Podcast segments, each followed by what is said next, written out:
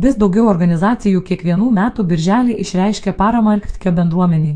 Dažnai tai simbolinės žinutės, bet jos prisideda prie lygybės ir įvairovės skatinimo platesnių mastų. Iš organizacijos perspektyvos tai svarbu ne tik šios bendruomenės nariams, bet ir juos palaikantiems darbuotojams. Kodėl apie tai vis dar kalbame?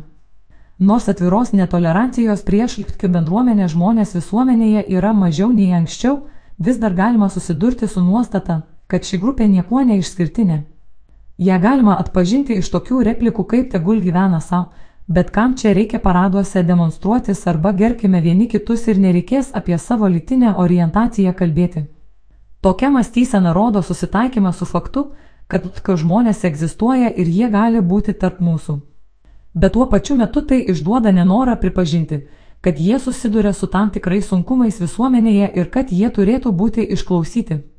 Vis dėlto iš tiesų tolerantiška visuomenė ne tik pripažįsta mažumos teisę egzistuoti ir būti jos nariais, tačiau ir supranta jai kylančius iššūkius bei deda pastangas, kad jie būtų sprendžiami. Jei mažuma jaučiasi neišgirsta, jie imasi būdų atkreipti dėmesį į save, jai skaudžius klausimus.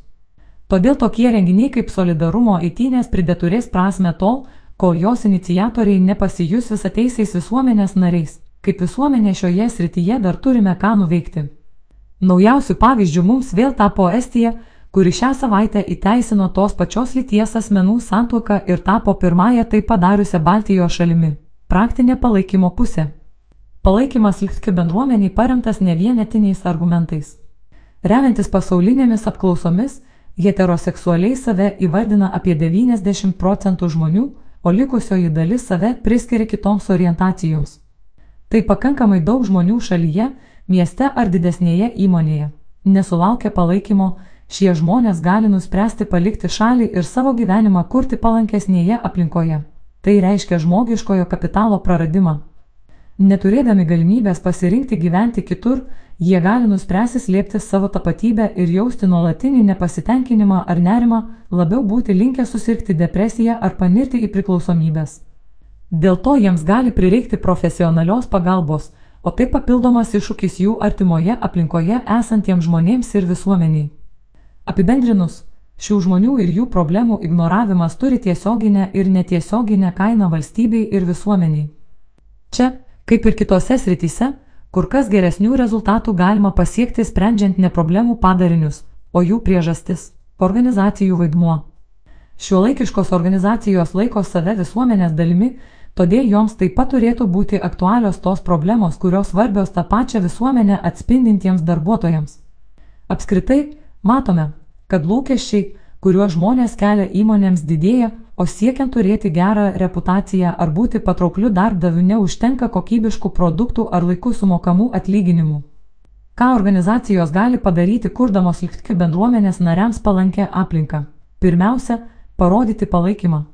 Jis gali būti išreiškiamas paprastai ženklais, iškelta vėliava su vaivorykštės spalvomis, atitinkamos atributikos naudojimu organizacijos naudojamuose komunikacijos kanaluose, eitynėse dalyvaujančių darbuotojų palaikymu.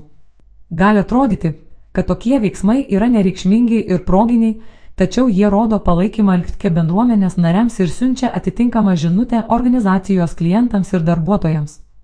Žmonių, kurie savęs nepriskiria LGTK bendruomeniai, bet ją palaiko, taip pat yra nemažai Tokiu būdu organizacija gali pelnyti ir jų simpatijas. Kitas žingsnis yra realūs veiksmai organizacijos viduje, kurie padeda išplėsti supratimą šioje temoje. Apie LGTK bendruomenę vis dar sklando daug mitų ir įsivaizdavimų.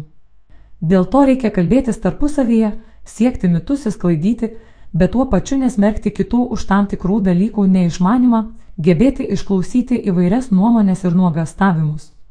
Pavyzdžiui, Svetbank grupėje esame subūrę vidinę bendruomenę, kuri jungia kas save priskiriančius darbuotojus ir juos palaikančius kolegas. Bendruomenėje yra žmonių iš Lietuvos, Latvijos, Estijos ir Švedijos, jie organizuoja įvairius renginius, paskaitas, edukuoja kitus kolegas apie įvairovę, dalyvauja priderenginiuose. Be to, nuolat edukuojame darbuotojus lyčių lygybės, įvairovės, tvarumo temomis, nes tikime, kad pokytis prasideda nuo nuostatų keitimo. Ypatingą dėmesį skiriame visų grandžių vadovų mokymams, kurių lyderystė yra svarbi ir socialiniuose klausimuose. Personalo politikos priemonės.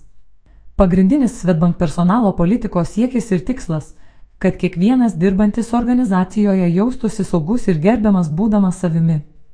Esame pasitvirtinę ir aktyviai vykdome įvairovės ir įtraukios darbo aplinkos politiką, vertiname savo darbuotojų įvairovę, kryptingai dirbame ties lyčių balanso tarp vadovų išlaikymu. Darbo užmokesčio atotrukio tarp lyčių panaikinimu, nediskriminavimo principų laikymosi. Taip pat esame sukūrę procesus, kurie padeda žmonėms kreiptis pagalbos ir pranešti apie nepriimtiną elgesį. Turime vidinę sistemą, kuri padeda puoselėti psichikos veikatą ir prireikus kreiptis psichologinės pagalbos. Galiausiai siekiame, kad bankė taikomos papildomos naudos būtų vienodai prieinamos įvairių grupių žmonėms. Dėl to nuolatos jas peržiūrime, o prireikus ieškome būdų, kaip jos galėtų geriau atitikti visų ir kiekvieno darbuotojo poreikius.